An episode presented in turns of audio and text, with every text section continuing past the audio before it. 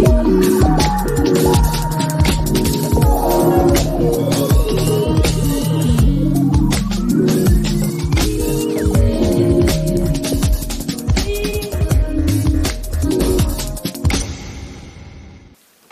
Je najzanimljivijim ličnostima u novijoj istoriji našeg teatra. Pojavio se nezaustavljivo, izazivajući u podjednakoj meri neumerenu hvalu i neumereno osporavanje, a sam se lično nije trudio da se ikome dopadne. Jedan od njegovih brojnih dramskih tekstova upravo je zaživeo na sceni našeg najstarijeg teatra. O premijeri na početku poslednje ovo nedeljne arterije, a govorit ćemo o sledećim događajima. Predstava Mišja Groznica na kamernoj sceni Srpskog narodnog pozorišta. Gala koncert Mali operski bal. Kineski festival svetla u Novom Sadu.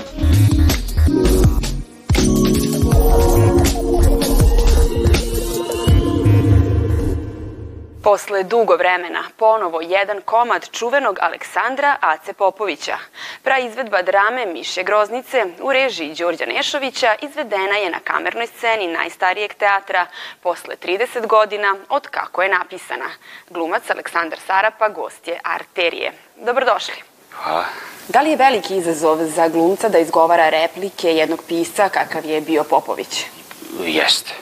Jeste a, veoma, a u pozitivnom smislu totalno, jer je a, toliko je pun a, nekih boja i, i, i raskošnosti gde je to za glumca a, sve. Mislim, prosto je, s druge strane, jako zavodljiv gde ti kreneš da igraš nešto, a onda se malo više zaigraš, pa izgubiš nit toga šta je važno. Stalno ima to neke, ta neka deljenja. Likovi koje igra ansambl su tipski i nalaze se svuda oko nas. Da li je to olakšavalo glumački zadatak? Jeste i nije. Mislim, ja toliko nisam ni razmišljao o tome, meni je to bilo jasno, ali se nisam toliko bavio sad ko su ti ljudi, kako izgledaju i to. Prosto sam po nekom instinktu fun funkcionisao, a, da su to, poznajem gomilu nekih a, mojih drugara koji su, a, poput recimo Bogavca koga ja igram, a, koji su šljakeri, mislim, ljudi koji se snalaze i spremni su sve da rade, oni su isto vreme i, i moleri i, i majstori i vodoinstalateri i sve, pa tako vidim i za, za, za Bogavca da je nekako um, čovek, čovek za sve, kao neki, neki švajcarski nož, nešto. Um, prosto je, on je spreman da radi sve što se od njega traži, a pa čak i te vratolomije da bude uh, nosač ove večite vatre i, i, i sve što ga niko nije učio, on će sam da nauči, samo da se to obavi, da se on pokaže da može da dođe do, do nekog njegovog cilja. Tako da, ovaj, možda sam i po sebi malo, ovo, ja sam isto tako spreman da, da, da svašta radim, pa eto. Koliko je smeha, a koliko gorčine u komediji sa mnogo osjećaja za balkanski mentalitet to se nekako čini da se kod Ace ne potencira i nije kao u prvom planu, da je sad neka nauk i sad da pokažemo neku gorčinu koliko smo mi zapravo, ali možda samo, on je nekako ostavio to, čini mi se otvoreno za, za čitaoce, dakle ljudi koji pročitaju tek tekst i, i gledaoce, da nakon predstave samo razmise, e, šta mi radimo ili tako nekako. Ovaj, mislim da je njegovo u prvom planu i možda 90% e, jeste zabava i smeh. Znači to mu je prvo prvo. A sve ono što prati to je do toga ko će hteti to da prihvati, ko će hteti. Uopšte nije prst u oko.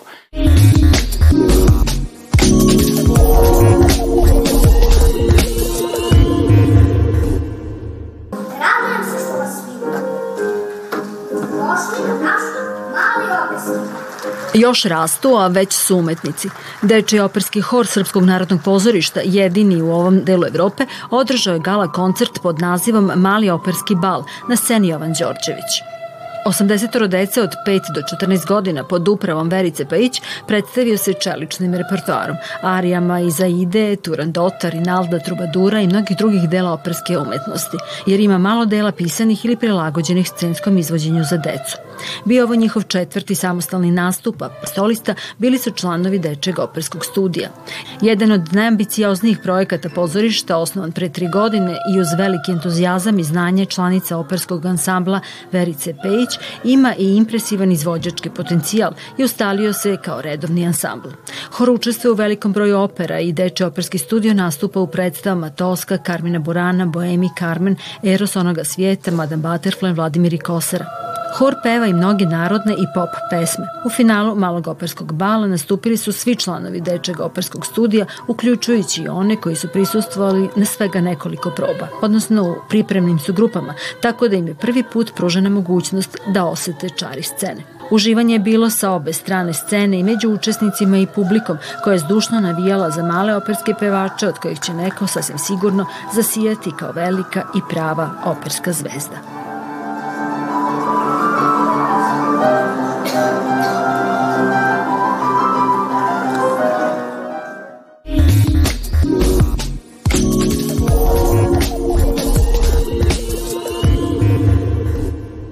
Do 25. februara Limanski park obasjaće najrazličitije svetlosne dekoracije povodom obeležavanja kineske nove godine i ulaska u godinu zmaja. Kineski festival svetla predstavlja najraskošnije izdanje do sada, a posetioce očekuje na svakidašnji sjaj životinskog carstva. Evo mi već šestu godinu zaredom uh, uh, predstavljamo deo kineske tradicije i kineskog, uh, kineske kulture. Čunđe je naziv ovoga prolećnog festivala, to je dočeka kineske nove godine i to je moment kada kinezi unose svetlost u svoju kuću i sa tom svetlošću u stvari ulaze sa radošću i svetlošću ulaze u novu godinu sa nekom novom vedrinom, novim optimizmom, sa lepim željama i lepim pozdravima. Duh tradicije i simboliku drevne Kine dočaraće instalacije zmajeva, magičnih jelena, čudnovatih riba, afričkih životinja i slične. Još 2010. godine kad sam se Balkanopolisom prvi put nastupao u Kini, desila se ta neka magična uh, veza između kineske publike i naše tradicije i muzike koju ja izvodim. Uh, imali smo fantastične nastupe, uh, prošle godine smo nastupili, to je sam nastupio u okviru uh, Gale prolećnog festivala, to je najgledaniji uh, program na svetu, znači zvanično drže Guinnessov rekord, ali prošle godine je bio onako dodatno poseban, uh, prvi put se Srbija predstavila na jedan poseban način, naime imao sam nastup sa fantastičnim pijanistom, najvećim svetskim pijanistom Lang Langom, gde sam izveo pesmu, gde sam izveo pesmu Tamo daleko, koja je uh, pregledana na internetu 16 milijardi i 216 miliona puta. Lampioni koji će krasiti park do 25. februara svetleće svakog dana od 17 sati, a ovaj spektakl koji iz godine u godinu oduševljava na hiljade posetilaca i koji je do sada u Beogradu i Novom Sadu videlo preko 2 miliona ljudi, kreirala je jedna od vodećih svetskih kompanija za izradu umetničkih lampiona iz Zigonta iz Kine. Svečano otvaranje na koje će doći Slobodan Trkulja zakazano je u nedelju.